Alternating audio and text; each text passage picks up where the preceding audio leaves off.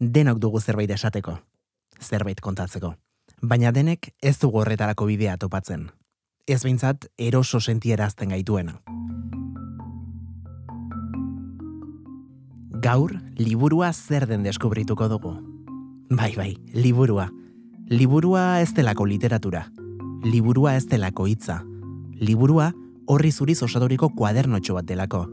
Eta paperrutx horiek nola eta zerekin bete gure esku dagoela erakutsuko dugu eneka Fernandez etentza artistak. Horretaz gain, zazpigarren artea ere izango dugu izpide. Zinema. Datorren astean, donostian ez delako beste ezertaz hitzagingo. Horregatik, gaur, Josemi Beltranek zinemaldiaren irurogeita amaikagarren edizio honetan ez galtzeko moduko aholkuak ekarriko ditu gurera. Ispilu beltza, asier errastirekin.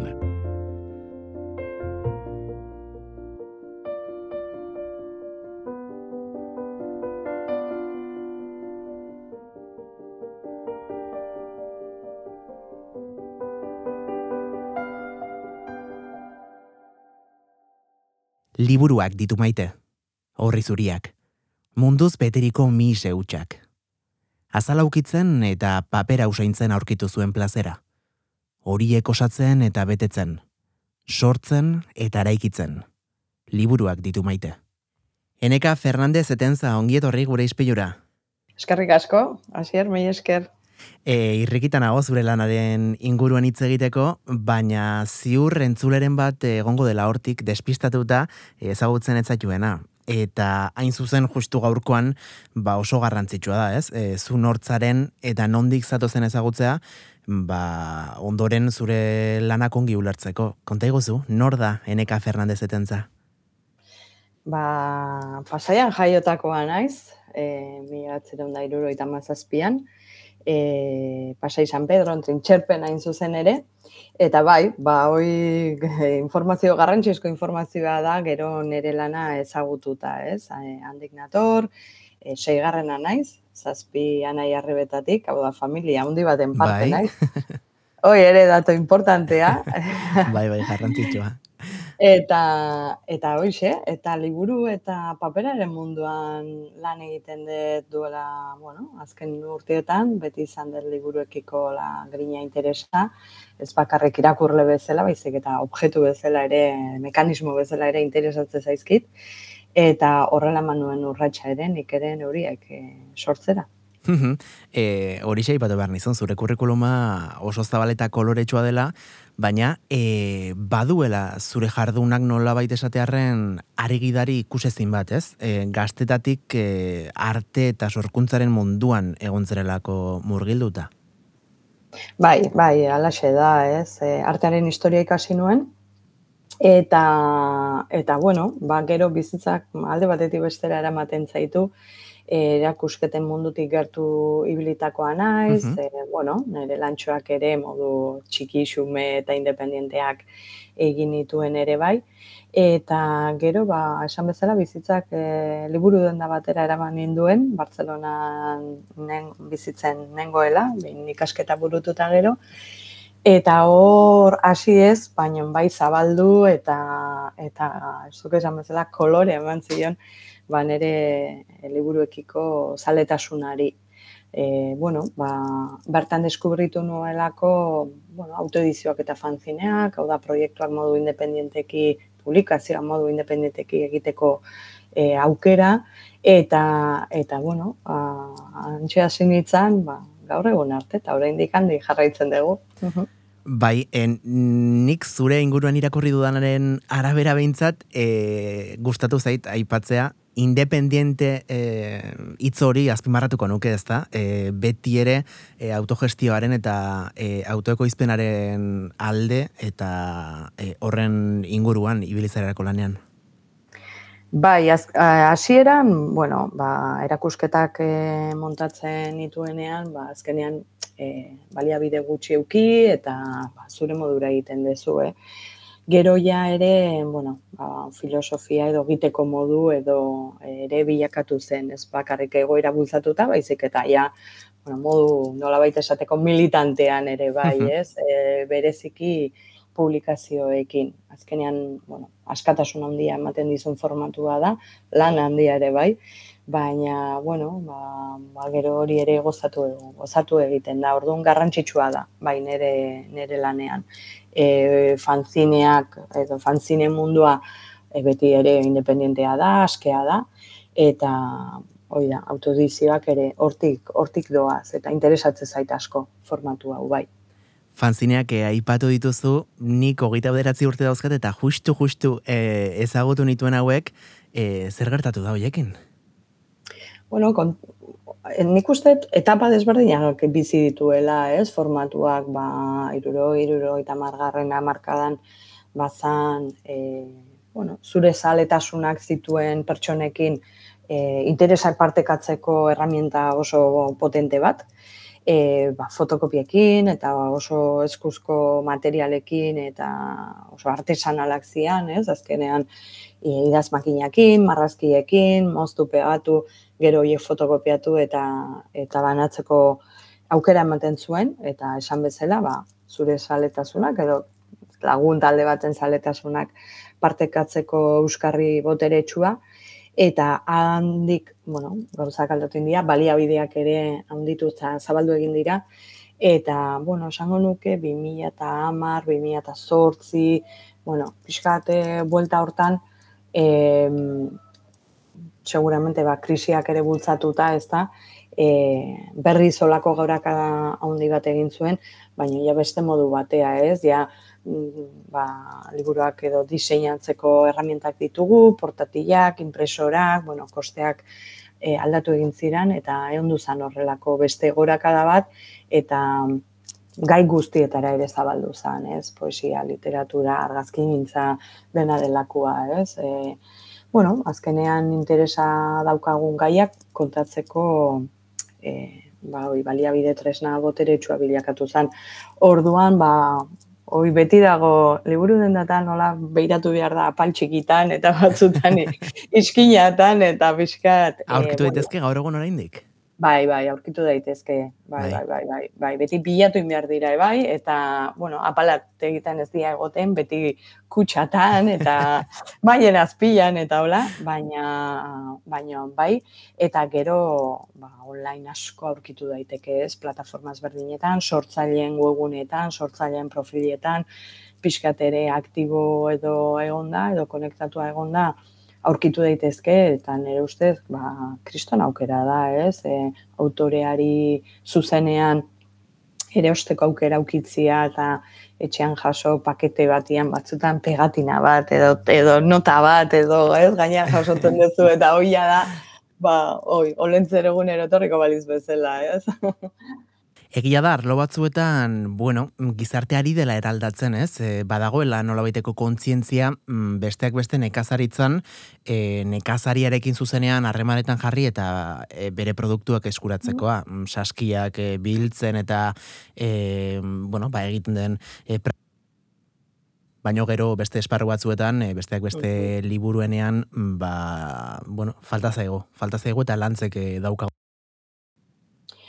Bai, ba, egia da, baitu ez neukan, bueno, pentsatua hori ez, egia da gaur egun, e, bueno, ba, atentzioa jartzen degula eta pixka zeintzen degula e, nekazariarekin harreman hori sustatzea, eta beste goza batzutan ezain beste denetarik dago, ba, esparro guztietan bezala, ez?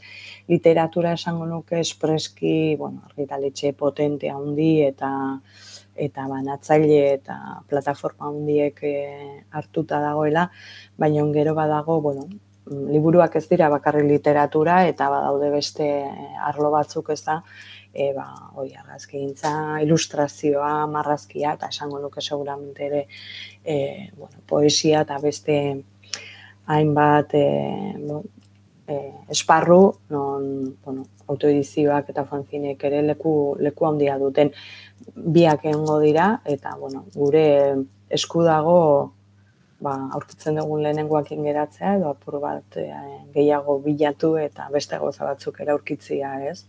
bai, kontsumoiturak azkenean, bueno, gure, gure esku daude, gure erabakiak dira eta eta egia da, bueno, ba, korronteak ere badaudela eta bueno, ba, korronte horiek ezagutzea ere oso interesgarria dela bintzat, ondoren guk almena izateko ez, e, horiek hartu ala utzi. Eta esan duzu goza oso interesgarri bat, e, lehen nik liburuen kontua ipatu danean konturatu nahi zena, liburuak beti joan dira hitzekin e, lotuta, hitzekin, esaldiekin, literaturarekin, poesiarekin, baina liburu baten barruan, horri zuri hoietan, hitzak baino askoz ere gehiago ez da, islatu daitezke. Bai, liburua azkenean niretza da, bueno, kristoraz bakizuna, ez? Osea, herramienta oso potentea da, eta, bueno, baditu muga batzuk edo, hasiera, bukera bat, e, horri aldeak pasoa inbiar dira, baina noiek ere, zalantzan jarri, eta moldatu ditzakegu, eta hori da oso interesgarria iruditzen zaitena, ez? E, bueno, proiektu batzutarako, e, struktura konkretu bat eukiko du, baina beste batzutarako aldiogu, aldiogu buelta eman, ez? Eta esan bezala, bai, hitzetik aratago beste beste teknika, beste esparru, beste espresaira batzuk ere e, jasotzeko e, bai, e, mekanismo bada, dispositibo bada, bai, eta eta hori niri asko interesatzen zait, ez? Ez bakarrik edukia, noski, e, hoi ezin da zalantzan jarri, baina edukitik aratago e, forma, tamaina, papera, kolorea, usaia, ez horro tartean sartzen dira guztiak. Esperientzia borobila da, handia da, eta ba, parte txiki guzti horiekin jolastu dezakegu, eta eta denak elkartuta ba, ba, mezua edo edukia handitu, potentziatu, edo, edo kontrakoa. Orduan, bai, gure esku dago horrekin jolastea ere. Eta in zuzen zuk e, forma edo formatu hau e, aukeratu duzu, ba, zure imaginatzen dut lan kutxunenak sortzeko Terranova eta Gran Sol. E, orain txaitzen dugu bi bai. hauen inguruan, e, baina galdera bat egin barrizut, agian entzuleren bati baino gehiago arraro egingo zaio nago galdetzea, nik zuri baina ondoren aurkituko diote zentzua. Eneka, uh -huh. e, nortzen zure eta nor zure ama? Ba, neraita e, itxas e, mekanikoa zen, Jose Fernandez, itxasuan ibilitakoa, e, ba, arrantzako untzietan eta merkantean ere bai, azbere azkeneko e, jubilatu aurretik, erretiratu aurretiko e, urte haietan. Eta nera ma, Carmen Intenza, e, bere maztea, ba, ba, ogeita, ogei urte zituela, amako ogei urte zituen e, eskondu zianean, eta ama, ba, etxeko Andre, ama, zaindari, e, olako, bueno, forma de la naturaleza. e, eta Jose Aita Terranovaren protagonista da, eta Carmen Ama Gransole liburaren protagonista. Oso interesgarria da nola historio berdinaren, ez, e, txampon berdinaren bi aldeak e, erakusten dituzun e, bi liburu hauetan, e, asgaitezen lehenengoarekin Terranova. E, liburua irikitzean, zer aurki genezake barruan? Ba, liburua irekitzean aurkituko ditugu argazki batzuk, uh denak tamaina berian, beti eskuineko horri aldean, e, argazkieiak e, formatu karratua daukate, apur bat zarrak di, dirudite, eh? zolako tono pixkate, kolore, e, more, sepia bat daukate, eta e, aurkituko dugun elementu argazki guzti horietan e, izeberrak izango dira e, itxasuan dauden izotz puskak, ez? E, bueno, horri alde batetik bestera horrelako rutina edo erritmo geldo bat e, sumatu dezakegu, e, horri alde guztietan elementu hauek daudelako. Eta gero, liburuari erantxita edo horrelako desplegable e, bat daukagu, non uh, bueno, liburuan zehar eta izoz puska horietan agertzen ez diren e, gizaki gizonak agertzen dira, ez? E, beste, e, bueno, ba, gegarri horretan, hor bai aita agertzen da, aitaren argazkia, aitaren eskutitz bat ere agertzen da, nire aizpa zarrenari bidalitakoa, bere alaba helduenari bidalitakoa, eta, e, bueno, itxaso, portu, itxasuntziko, hainbat, hainbat argazki. E, dena, elkarturik dago horrelako, bueno, faja bat dauka, horrelako kutsatxo bat dauka, urdina, eta, eta liburuak kanpotik laranja kolorekoa da. Nere imaginarioan edo, ba, untzien oksido, tono, mm -hmm. bero horrena. Hori da terra noa. Eta noski zeber horien atzean zure aita ezkutatzen da? Ba bai, atzean edo fondoan edo ez dakit nun, baina bai, aitaka atera zituen argazki horiek, e, aita etzan, e, bueno, edo etzun euki horrelako argazki gintzarako zaletasun oso oso nabarmena, baina egia da, asko gertatzen zen garai hartan, e, itxasuan ibilitakoek bat zeukatela teknologiara e, gertutasuna, ba, bidaiatzen zituzten e, portu edo, edo herrialde hoietan, ez? Uh ez bueno, buruan daukat adibidez, e, Alemaniatik ekarritako e, telebista bat, telebista gorri bat, gaina, oso, oso, bai oso kuriosua zana, e, atari bideo jolasa ere bai, bueno, horrelako hainbat gauza e, kartzen zitun, ba, portuetatik, holandatik, alemaniatik, inglaterratik, eta bar. Eta hoietako batean, argazki kamara bat ere e, erosizun, Kodak Brownie bat, e, bisore, goitik antzaukan bisorea, eta orduan nolako formatu karratu bat dauka, ez da, e, ez da kamera instantaneo bat, baina irudi, osea, mm, argazkia bera badirudi, badirudi e, polaroi baten itxura dauka, baina karreteko kamera bada. Eta, bueno, ba, nire ba, ba, sorpresarako, derrepente egun batean argazki horiek aurkitu nitu etxean, eta eta aitak saletasun edo interes hori zeukala ere deskubritu nuen. Beraz, e, zure aita etzen behin eta berri zargazki horiek e, erakusten zituen pertsona horietako bat, ezta? Ez, egia da, e, ni jaiota gutxira erretiratu zala aita. Orduan ez nula e, bizitu e, jun etorri hori. Nik e, hori bizi izan dudet e, kontakizunen bitartez, ez? Historio, txeko historioen, ez kontakizun horien bitartez. Orduan, e, bueno, batzutan etxeetan, armairutan, e, kajoietan, albumetan, baditugu hor, bueno, irudi familiar batzuk, e, oikoak direnak edo oikoak egiten zaizkigunak, eta ez diegu gehiagi erreparatzen, ez? Ikusi izan ditugu, han bultak adabiltza, baina ez diegu gehiagi erreparatzen. Baina egun batean, ez dakizu zergatik, derrepende beste begiekin, ez? Eta hori gertatu zitzaidan eri, beste begiekin ikusi nuen album ura eta hortzegoen bueno, ba, potentziala ere ikusi nuen eta horrekin zerbait egin behartzala e, pentsatu nuen. Ez nekien oso ondo zer, e, baina bueno, e, liburu denda batean egiten nuen lan, eta orduan da repente konexioa, konexioa egin nuen, ez? Eta horre aurkitu nuen nire e, espresatzeko igual kanala, ez? Esango nuke.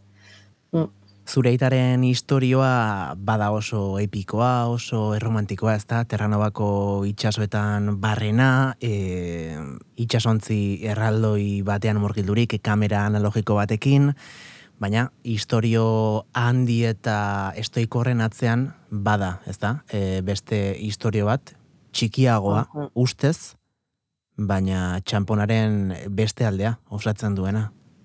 Ba, bestean zeon, ba, ba hemen, ez, herrietan, etxeetan, geratzen ziren ama, emakume guzti horien e, historioak, ez? Mm askotan kontatuak izan dira, ba, arrantzalen bizitzak, edo, ez, alarrikatuak, eta horrela izan behar du, noski, e, oso bizitza, bai, e, badauka, e, terranabak kutsu erromantikoa, baina atzetik ere gogortasun puntu handi bai, bat dago, ez? E, agian, agian eskutitzean pixka somatu daiteke, ala, detaile, detaile txikietan, e, inkluso liburuan agertzen den testuan, hainbat, e, bueno, keinu edo aitaren oiturak ere kontatuta, ba, bueno, behintzat horre iten dugu, iten dugu irudi bat. Baina e, terranova egiterakoan, e, hortaz pentsatzen nuen eta hitz egiten nuen, ez? E, aita beste hainbat e, arrantzale itxasotakoa, itxasoan ibilitakoa eta gehiago e, alturako, ez? E, e, marea hoietan, marea luze hoietan ibilitakoak etxera itzultzeko gogoa, ez? E, desioa, e, ba, pixkat, eta pentsatzen nuen etxera, ba, nora, ez? Nor, nora itzultzen zian, ez? Etxea nork sortzen zuen, ez? Norbaitek egiten zuen, norbaitek eraikitzen zuen struktura um, sendo hori, ez? E, haiek kanpoan zeuden bitartean. Bai. Eta orduan, ari horri tiraka, e, ba, pentsatu nuen, klaro, eta eta historia nork kontatzen du, ez? E, ama emakume hauen historia nor kontatzen du, ez? E, aventura handi eta epiko hiek ez bali badaude ez aldira historia kontatu behar, ez? Eguneroko rutinazko edo normaltzat ematen ditugun historio hoien atzen zer dago, ez? Mm bai, ze pertsona daude, ze emakume daude, ez? Eta eta horrela egin nuen salto oso modu e, naturalean esango nuke, inolako aurre ikuspenik gabe, lehenengo liburu egiterakoan ere ez neukan nola pentsatu, al liburu bat ingo detea, ze da okurritzen zaidan ez, alderantziz liburuak ni aurkitu nindun, esa, bai, esateko modu bezala. e, eta gauza bera gertatu zitzaidan bigarren liburuarekin, ez? Ba, bat itiraka edo baten hausnarketa eginda ja liburu atera eta gero, e, ba, beste historia aurkitu nuen eta kontatzeko ba, ba gogo handia ere bai eta beharra kasu honetan. Uh eta behar hortatik hain zuzen sortu zenuen Gran Sol izena duen liburua, txamponaren bestaldea erakusten duen sorkuntza, e, gainera pasaden urtean Foto Espainia sarietan finalera iritsi zen urteko argazki liburu honenetariko moduan, beraz izan du hoi hartzuna, izan du arrakasta, eta espero dugu, bueno, ba, arrakasta hori mantentzea den bonan zehar, zer aurketu genezake horri alde zuri horietan?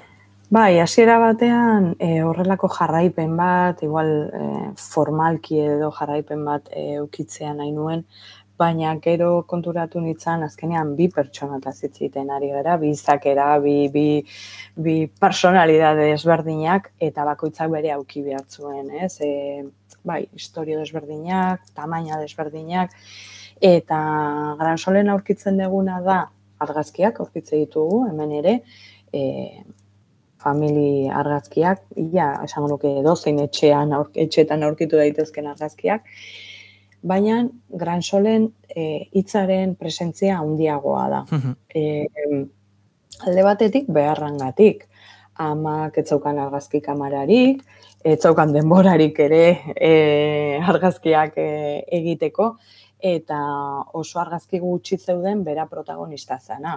Ba, esango nuke komuniokua, e, estudioko beste argazki bat gurasoekin, eta ja handikan pasatzen gea ezkontzako argazkira, eta gero bai ja, e, bueno, ba, ezkontza eta gero, kamera, etxean zegoen kamarakin argazki batzuk, argazki familiarrak aurkitzen ditugu.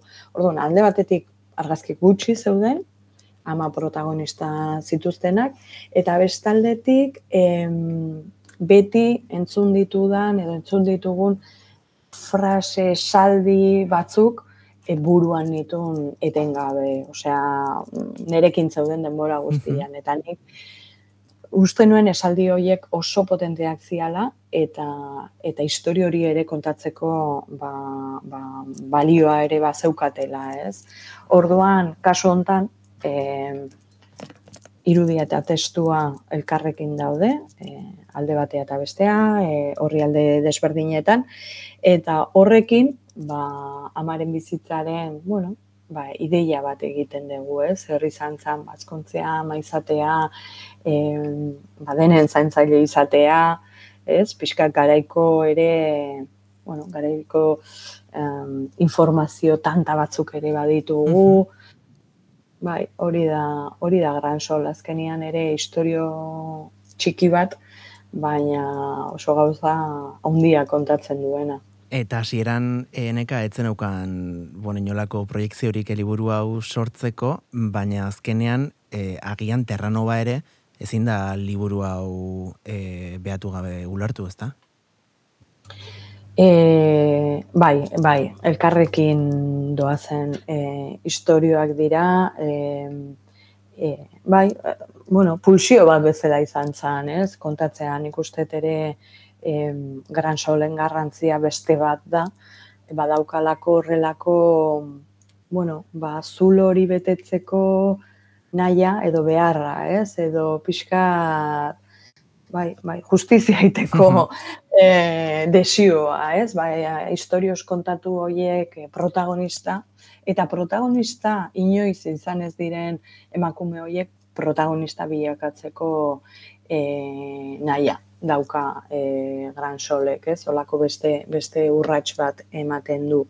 E, bai, hori izan da pixkat kontatu nahi nuena, esku artean neukana, oso modu bueno, simplean edo xumean, eh? ni ez naiz ikerlaria, ez naiz, bueno, ez naiz sartzen, ez, bueno, garai bateko eh, bueno, kontakizun zabal ean, baina nire hitz zait pertsona bakar baten e, historia kontatuta, e, kolektibo baten historia ere bai. kontatzen dela, ez? Orduan, bueno, bizarte egoera politiko e, baten ere, bueno, olako tantak edo e, olako bai, detaileak ematen dira e, biliburuetan, e, gran solen e, bereziki.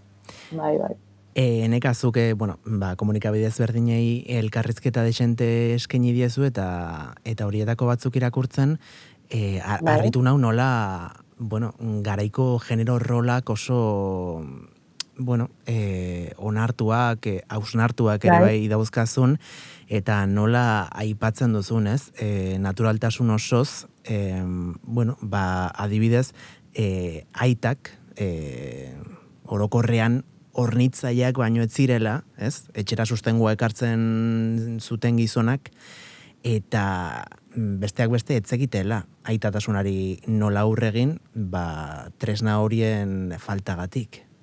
Bai, bueno, horrendik ere hori ere sumatzen da, ez? E, hor, ibilbide eta ikasketa handia egin behar da, ez? E, e, bueno, aitatasun kontzeptu potente horretan, probablemente ere, ere maskulinitate kontzeptu handi erraldo horretan ere. Eh? E, ez nuke esango hornitzaile soilik, hornitzailea bai, eta eta familia askotan ez bakarra, eh? Osea, familia askotan ere eh emakumeak eh, etxetik kanpo lan egiten zuten eh neramak ere, baina ez eh nomina batekin edo ez beste modu, modu horretan etxean bezala, ez? Beti ere ba arraia saltzen, esnea saltzen, e, bueno, gora ta bera e, txikitatik, ez? Biatzi urteetatik. Baina bai, rolak egia da oso banatua, oso bere iztua zeudela. E, hombre, kontutan hartu behar da ere nire gurasoak em, aita hogeita bostekoa zan, mila betzeron da bostekoa, eta ama mila betzeron da malaukoa Orduan, bueno, badaude horri jaia, nire garrena izanik, badirudi hortartean beste belaunaldi bat ere egon zitekela, ez? Bai. Orduan, saltoa ere nabarmena da, handia da, egoera politikoa esan bezala, eta eta rolak oso banatuak, eta kasu honetan, ba, hori, aita e, kanpoan lanean, ama e, bereziki e, etxean, ez? Eta gero, ba, jutentzia pixkat ere ari horrei tiraka, eta ikusten zan, ba, badibidez eskolako notak e, aitek bakarri sinatzen zutela. Ah, ez? Firma, firma del padre jartzen zuen, ez? Uh -huh. agertzen dan e, ba, kartilla edo eskolako noten horri alde hortan, eta ba, gure kasua aita kanpoan egon da, ba, amak sinatzen zituen, ez? Eta oso detaile txiki da, baina niretzat oso aldarrikatzailea eta oso potentea bai. ere, ere bada. Edo ezin, e, bera bakarrik e, pisua erosi, edo banku korronte, kontu korrontea e, gizonezkoen izenean egoten garai hartan e, gertuko belaunaldi bada, baina alde potente batzuk ere hor e, badaude, ez? Eta, bueno, ez dianak astu behar eta begiratu behar ditugunak, ez? Eta gero ere, bai, aitatasunaren inguruan, um, oso modu ezberdinean bizi zuen, bizi izan zuen eraitak e, itxasoan zegoela edo gero etxean zegoela, ez? Oso, oso modu ezberdinean e, bueno, ba hori, eguneroko e, ba, gaixotasunak, notak, zer dutan etortzen zea auta beste, e, bueno, ba, amak bizitzen zituen, eta iruditze zait eskutitz trukatzen zituzten eskutitz horietan ere, batzutan ba, gauza batzuk kontatzen zituela, eta beste batzuk ez, ez, ez arduratzeko, ba, urrutitik ere gauzak igual beste dimensio batekin hartzen zirelako, eta, eta gero itxean zegonean, ba, bueno, ba, nola baite, gordetzen zan edo, edo saiatzen zian denak, suposatzen dut, ba, alik eta e, gertutasun horri etekin ateratzen, eta bai. goxo egoten, eta ondo egoten, eta eguneroko, ba, rifirrafe edo eguneroko detaile guzti horiek e, alde batera utzita, ez? Orduan, bai, iruditze zait, e, distantzian gatik, belanaldian gatik, egoeran gatik, e, jasotako, e, ezakit, eskuntzan gatik, bueno, faktore asko daude, e, ba, beste aitatasun mota bat e, bizi behar izan zuen, e, nera itak, ez zuen guztoko noski itxasuan nahin beste hilabete pasatzea, baina, bueno, ba, familia handi bat aurrera ateratzeko modua zan gara hartan, ez? E, soldata uh ona, ona zegoan, zeukaten, baina, karo, koste ere handia, handia zan, eh?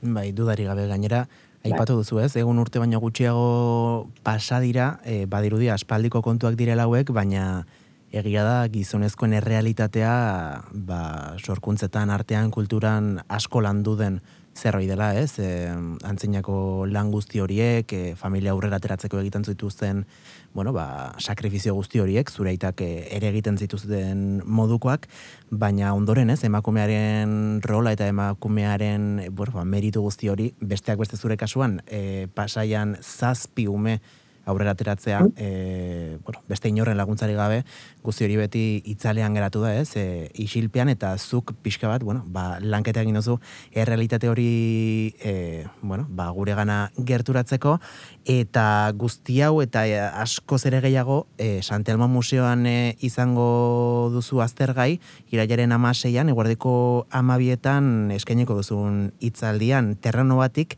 Gran Solera izena duena, eta imaginatzen dut, e, ba, hemendik mm, gonbita e, bueno, jende guztiari zabaluko dizuna, ezta? Ba, noski, hortarako elkartuko gera, e, irailaren amaseian, esan bezala, amabietan e, Santelmon, e, argazki liburu hauen inguruan hitz egitera, e, edukietik aratago ere jungo gara, e, uh -huh. ben e, historioak edo nola baite aztertu ditugu, eta eta Santelmon elkartuko gea da ere ba, ba, liburu tegian dagoen Gabriela Zendoiaren bildumaren marku horretan e, argazki liburu iburuz hitz egiteko. Ordun prozesuari buruz ere hitz eingo dugu ideiari gauzatzeari buruz diseinuari buruz. Pixkat ere ba bueno historia hoiek nola iristen diran e, liburu formatura, nola iristen diran orrialde hoietara eta bueno, guzti horrei buruz e, hitz eingo dugu eta bai, hemendik noski gonbitea luzatzen dugu e, historio txikiak ere kontatu beharrekoak dira.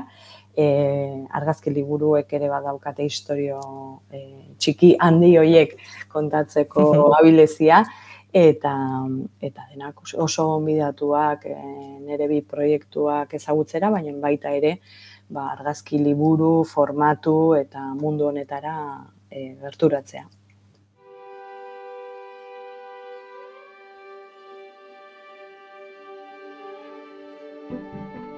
Ba, larun bat honetan ez urrengoan, ni behintzat e, antxe izango naiz, e, mundu honen inguruan gehiago ikasteko desiatzen, Eneka Fernandez etentza e, eskerrik asko gure izpilura gerturatzeagatik eta jarrai dezazula ilusio eta pasio berberarekin zure afizioa ofizio bilakatzen. Eskerrik asko zuei gomiteagatik eta eskerrik asko ba, gauza historiotxo hauei buruz hitz egiteko ba, tarteak e, sortzeagatik.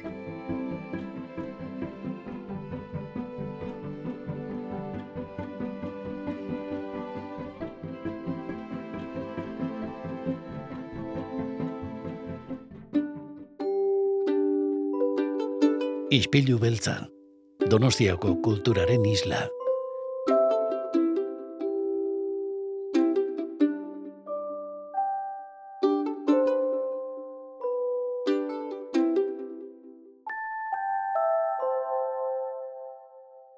Zinema. Zinema gauza asko dira. Zinema areto bat da. Zinema istorioak dira. Zinema argazki egintza da. Zinema musika da.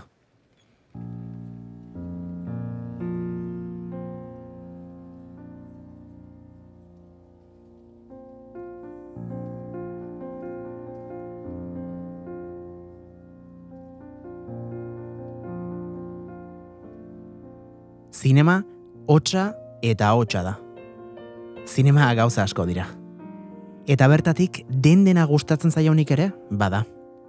Bada edo badira, hobeto esan da. Eta laster elkartuko dira denak donostian. Horietako bat, gaur, gurekin da. Artista hutsa bera. Pantaiatik aratago ikusteko gai dena. Zinema gauza asko direlako. Eta berak den denak ezagutzen dituelako. Guztiak dastatzen ditu, eta ondoren gurera etortzen da bere ezagutza elkarbanatzera. Zinema duelako afizioa eta gaur egun baita ofizio bera.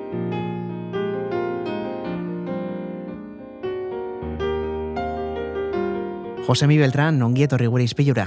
Kaixo, zer moduz, zer moduz. Mila esker, migei asker itxen gatik.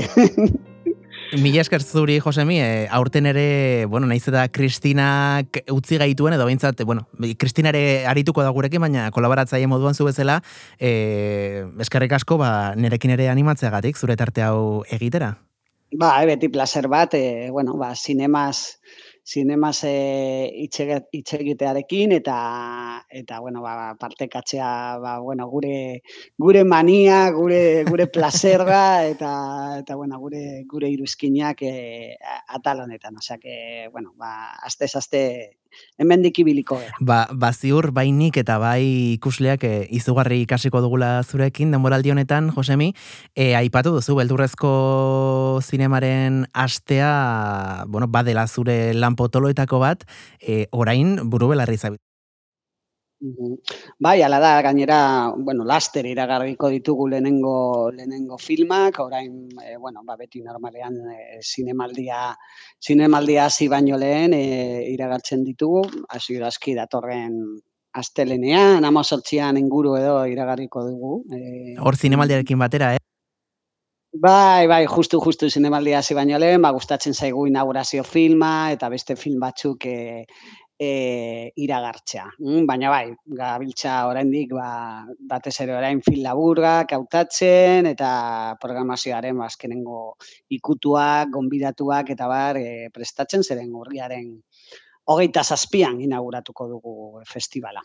Enteratzerako gurean da, gure irian da beldurrezko zinemaren astea, e, gainera, bueno, pasaden e, denboraldian aipatu genuen, e, urtetik urtera, bueno, ba, espektatiba handiak egoten dira, ez da, e, hype handia egoten da kartelaren bueltan, aurtengoan, bueno, euskal aktore bat protagonista.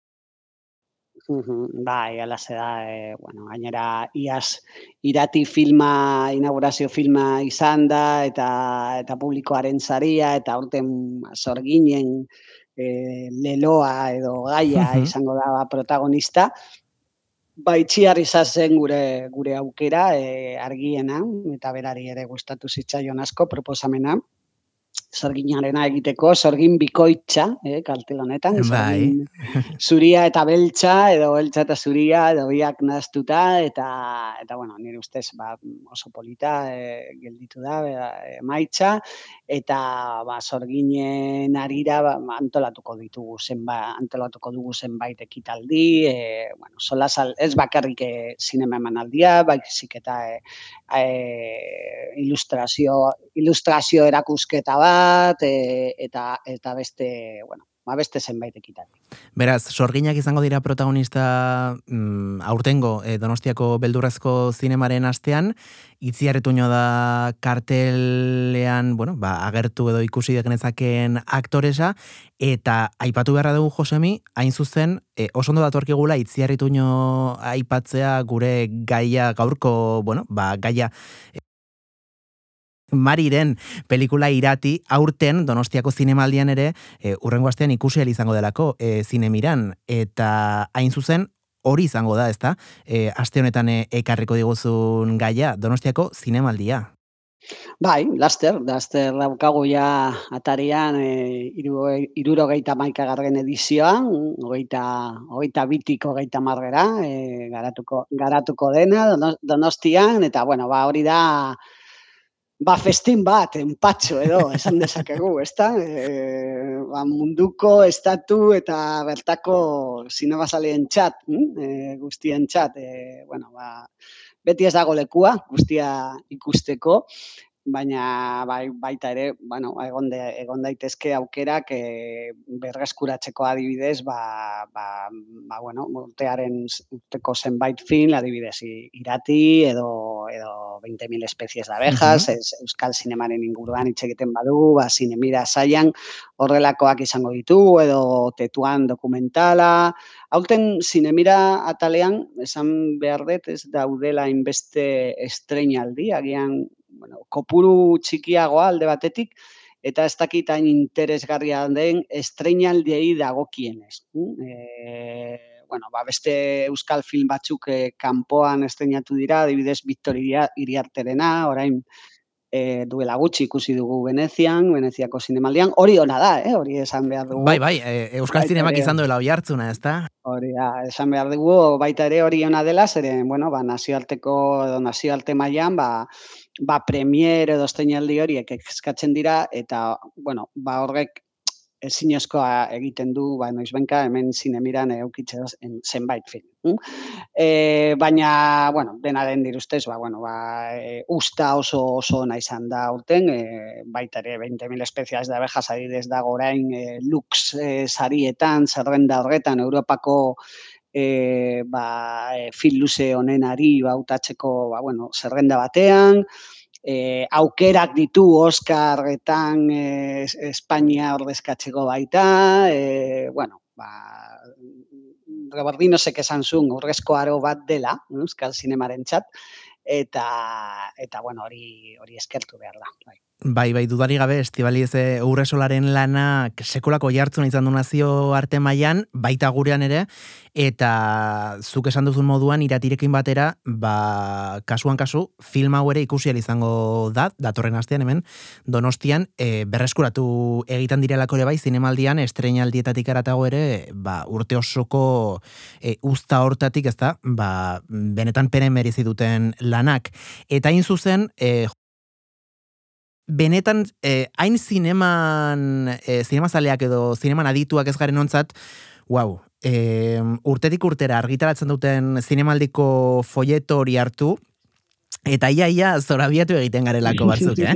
E, nola antolatu daiteke, nola egin genezake pixka bat, e, zinema, e, edo beto da, pelikula guzti horietatik aukerak eta bat egiteko, e, pixka, e, bueno, ba, eduki e, anitza kontsumitu alizateko, eta batez ere, nola da posible e, lan hastea izan da, e, hainbeste pelikula kontsumitu alizatea asko egiten duten moduan. Bai, bueno, asko oporrak altzen dituzte, ezta? Eh, oporrak edo, ez dute ez dute lo egiten, baina bai, oporrak altzen dituzte. Bai, hemen hemendik eh, hemengoak izan da edo edo kanpokoak izan da, baina bai, bestela goizeko 9 hasteko edo zen egunetan, ba, filmak ikusten eta bukatzea ba eguerdiko edo gaueko 12 edo ba ezinezkoa, no? Ba, min baten bat ezagutzen dut, eh, ba, e, e, e, baskaltzen ez duena, ezta. Beraz, ordutegiak eh, aldatzeko astea da. Eh... Bai, bai. Bueno, bai, bai, hori plazera izan daiteke. Nire ustez, bueno, ni, ni nahiago dut etxedin handiagoak atzea eta gian baloratzea hobeto pelikulak, no? Ze, edo zein festivaletan, musika festival batean baita, no? Baina dian sinema zinemaldi batean nire ustez, ba, bueno, e, bagian plazerrak, badauka argisku bat, e, bueno, hainbeste film egun batean ikusten badu eta eta bueno, hori horrek ere nekatzen gaitu. Hori esan, esan behar da, baita ere burua, bai, burua bai. zerbalda, eta... Gainera, e, esango dugu zinemaldian proiektatzen diren pelikulak, normalean e, ez direla munduko errexenak izaten ulertzen, eh? edo arinak, arinak, esan dezakegu, arinak. arinak ez dira, ez dira, ez. Eta... Lagun batek beti esaten zuen, jo, zergatik film honenak dira beti tragediak edo, edo, edo dramak. Zergatik dira best, beti dramak. Bai, gainera, hizkuntzan iztasunak ere, bueno, ba, alde batetik badu bere xarma eta zoragarria da hori, baina beste alde batetik ere hainbat hizkuntzetan, bueno, ba, horrelako sorkuntza kontsumitzeak ere, ba, badu desgaste bat, ezta? E, filma ikusten duzunean. Bai, bueno, ja, hau da, zure, zure galderari erantzunez, nire ustez, ba, zinemaldi bat da topaketa leku bat. Mm? Eta niri, ni beti hausnarketa hau egiten dut, eh? eta ba, baita ere zinema program, zinemaldi programatzaile gisa, ez da? E, normalean jendea joaten da ikustera e, ezagutzen dituzten filmak, edo, edo entzun dituztenak, edo agian ospe handiagoa dituztenak, e, eta ez hainbeste, bueno, ezagutzen ez ditugunak edo eta nire ustez, ba bueno, sinemaldi bat izan behar da, ba hori, e, ba susteko bat e, hartzeko eta eta gauzak e, deskubritzeko lehenengo aldiz. Hm? E, aldezagun adibidez perlak e, atala, eh, sinemaldian. Bai. Ba, e, ba, beti izaten da oso oso erakargarria jakina eta horten berriro e, daukagoan e, ba, izen ospetsuak, Glazer, Amaguchi, e, Justin Triet, Gargone, Koreeda, Kaurismaki, Benders, Haynes, Bayona, bueno, Bai, baina film hauek guztiak, e, ia guztiak joango dira zinemaretoetara, edo estrenatuko dira zinemareto batean, e, datozen hilabeteetan. Eta zuk e, diozu, jendea normalean, ba, gaztelaniaz esaten den moduan, juten dela a, Hori da, hori da. Ba, eta, eta hori pena ematen dizeren, askotan publiko horren zati bat gero ez da joaten zinemaretoetara. Eh? Eta edo bakarri joaten da zinemaldia denean, eta hori oso ondo dago, eta ziurazki, ba, bueno, horrek saletasuna sortuko du, baina baina iguetako film batzuk gero ez dira hain arrakastatxuak zinemaretoetan. Eh? Baina zinemaldi batean, bai, eta hori baita ere pena, pena ematen dit, eta hori gertatzen da baita eh, fin, eh, ezagutzen ez ditugun filmekin. Eh? Orduan, ni beti animatzen dut, ba, agian, e, new directors, e, zabaltegi eta bakalera, edo e, zail ofizialean bertan, lehiaketan, ba, aurkitzeko, bueno, ba, gure intereseko filma. Hm? Agian zuk esan duzu, ba, bueno, liburuzkartuta, e, zein izango da irizpide, nire irizpidea. Hm? E, e, historioa, aktoreak, e, izkuntza, eh, aipatu duzun bezala, Nire ustez, e, zinemaldiako oso egiten du ba, laburpentso horiek, e, filmen laburpenak, e, ba, bueno, pizkat ideia, ideia bat hartzeko baita ere, filmaren doinuari dagokionez. Mm? Eta, eta bueno, ba, horrek laguntzen digu. Baina beti, bueno, ba, ideiak eta pizkat open mind, no? Esan dezakegu, open mind batekin joan behar duzu zine, zinemaldi batera, hori bai. Beraz, e, gomendioetako bat dudari gabe, atxeden hartzea pelikula tartean ez da, e, prozesatzea, barneratzeko denbora hori ere izatea ez da, e, garrantzitsutzate jot Masko... Nire txato beto gozatzeko, dudari, Bai, ez da, eta, eta ipatu duzu, eta nik beti hori botatzen dut faltaan askotan, e, zederra den e, lagunekin, e, familiek edo dena delakoarekin joan e, film bat ikustera, eta ondoren, e, ba, kafetxo bat hartuaz, e, bueno, ba, pelikularen ikuspuntu ezberdinak ez, partekatzen dituzun une hori niretzako izugarria da, hor konturatzen zarelako nola, benetan kultura eta artea, bakoitzak bere betaurreko eta Bai. Ja beste kontu bat dan, beti, beti badaude sinema sale batzuek nien nago horretan, eh? baina e, nahi dutena izan, e, nahi dutela izan, e, ba lehena e, film hau ikusteko eta tweet bat jartzeko, zure, zure iritziarekin. Eh?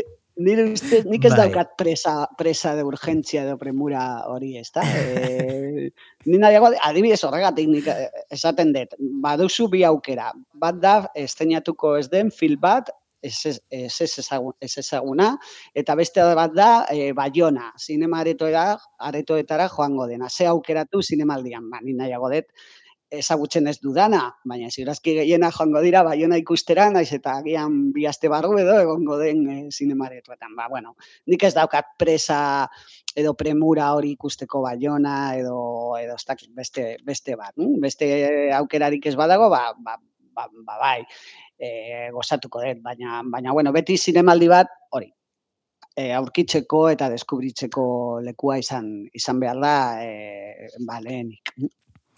Eta Josemi, urrengo astean ere gurekin izango zara, baina guk badakizu, bueno, ba, zinemaldiarekin batera ispilu beltza bereziak eh, egingo ditugula, e, ez dakit, e, bueno, nolabait ere iparrorratz moduan e, lagundu diezaguk ezun pixka bat, bueno, ba, ba ikusten e, perspektiba batekin, e, bueno, zer ekarriko den, edo zer etorriko den, hobeto esan da urten, donostiako zinemaldira. Mm Bueno, ba, guztio da ditugu gogo asko, ez da, e, bilazakiren film berria, The Boy and the bai. Heron ikusteko, e, gainera, bueno, da historikoa, zeren lehengo aldia da animazio film bat inaugurazio, ina, bueno, inauguratzen duena, eh, zinemaldia, e, eta, bueno, ez dakigu gauzan dirik e, filmaren inguruan, baina, baina, bueno, berdin zaigu, hori argi eta garbi, eh, kasu hontan, e, bilazakiren lana izan da, ba, ma animazioaren e, mundu mailako maizua, edo bai, azkeneko bai, maizua, esan dezakegu. Ba, bueno, e, hori oso garantzitsua da, eta bestalditik, e, zail ofizialean badago animaziozko beste film bat, e, kaso honetan Euskal Filma, El sueño de la sultana, e, uh Isabel Ergera, que zuzendutakoa, beti Isabel Ergera film laburazko sortu ditu, ba, oso estilo, e, bueno, e, elebergi grafikoarekin e, konparatu dezakegu, da ez da animazioa e, umen txat, da e, olduen txako animazioa. Estatikoa e, agian?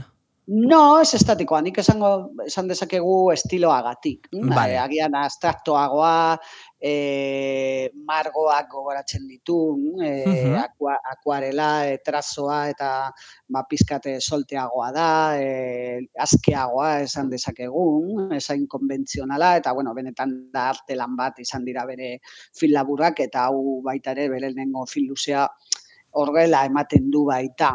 E, Indian kokatuta, Indiako ba, historia, antxiniako historia feminista bat esan dezakegu kontatzen du, eta nik gogo asko da, gogo handiak ditute ikusteko el sueño de la sultana, de la sultana barkatu film hau.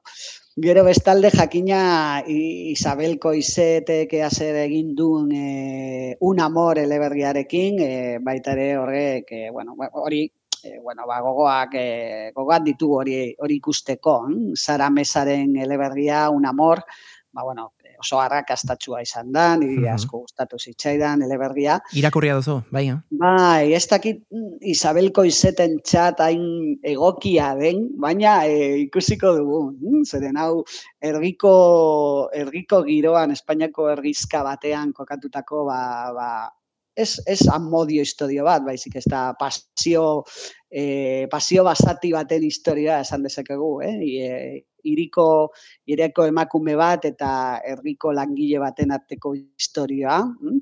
e, gainera azkenen golteetan modan dago herri, herrira bueltatzea. bai. ez dakite modan dagoen edo, edo beharragatik den, baina bai egia da zineman e, lantzen ari den gai badela hori, bai. Bai, bai, keska, keska bat da, eta beti ez, beti ez da beti ez da dena ez da polita, no? Gogatu dezakegu asbestas edo edo bai. zuro bezalako filma. Bai. Eta kasu honetan ez da ere, nire ustez, elebergian e, gutxienez ez da ez da inpolita, baina benetan oso interesgarria eta bueno, nik eh, bueno, ba, ba, bueno, ba, itare kuriositatea pisten, pisten nau. Eta bestaldetik, bueno, bagian sinema frantsesa beti badago sinemaldian oso garrantzitsua da, eta zaila ofizialean ba, zenbait zi, e, sinemagile, zinegile frantsesak egongo dira, adibidez Robin Campillo, Lil Gus e, filmarekin, e, Tomas Lilti, Anmetie Serrie, Tomas Lilti beti hitz egiten du bere filmetan irakeaz lehen edo mediku, doktor medikuen inguruan, eta beti ere frantseko zineman badago tradizio hori ba, nola esan, e, ofizioen inguruan ba, ikuspuntu etiko batetik hitz egiteko, e, gaur egungo arazoekin eta bar, eta kaso honetan ba erakasleak dira protagonistak eta Tomas Lilti beti izan du kezka, gizarte kezka hori bere film guztietan.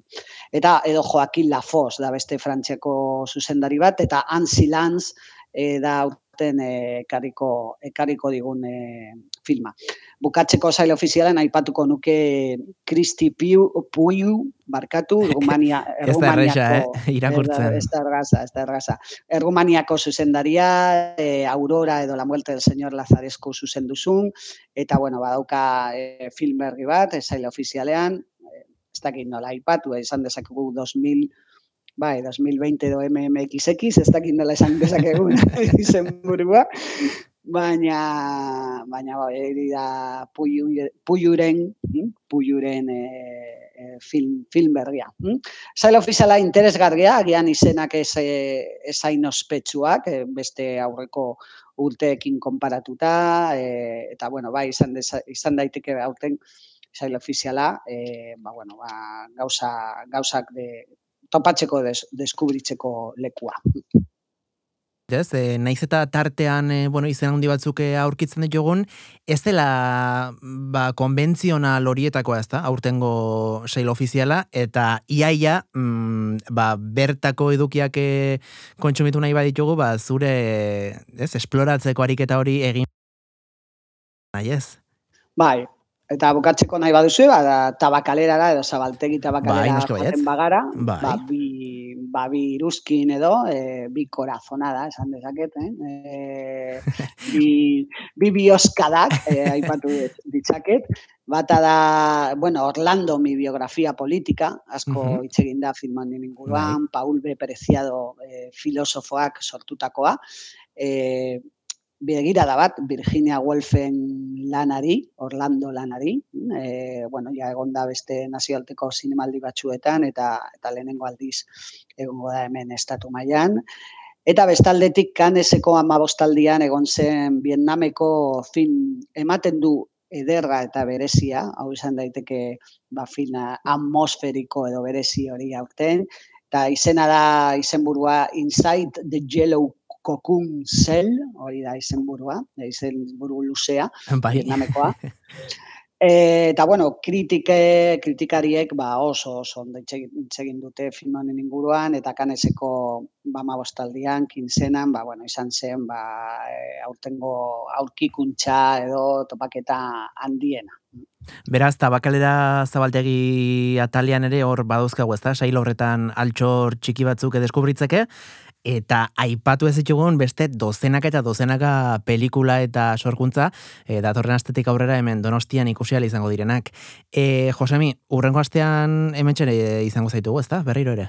Ba, bai, hemen egongo gara berriro. Horeindik aste arte izango da, beraz, e, bueno, badugu tartetxo bat, nahiz eta zu ziur, e, sarrerak e, ja eskuartean izango dituzula ordurako. Saiatuko gara alik eta gehien ikusten. Saiatuko gara. Ba, Josemi Beltran, mila milioi esker eh, gure izpilura gerturatzeagatik eta aste hona izan, datorren aste arte. Bai, laste arte, agur, agur.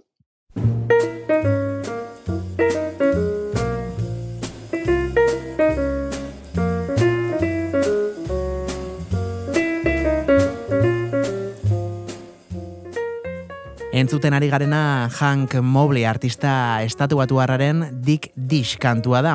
Eta kantu hau baliatuko dugu zuei agur esateko. Gu bi harritzuliko gara goizeko zortziretan Donostia Kultura Irratian, eunda zazpi puntu FM-ean, eta pixkate lehentxeago zure audio plataformetan goizeko seiretan. Goiz esnatzen zaren horietako abazara, esnatu berritan ispilu beltza zure mugikorrean edo ordenagailoan izatea nahi dugulako.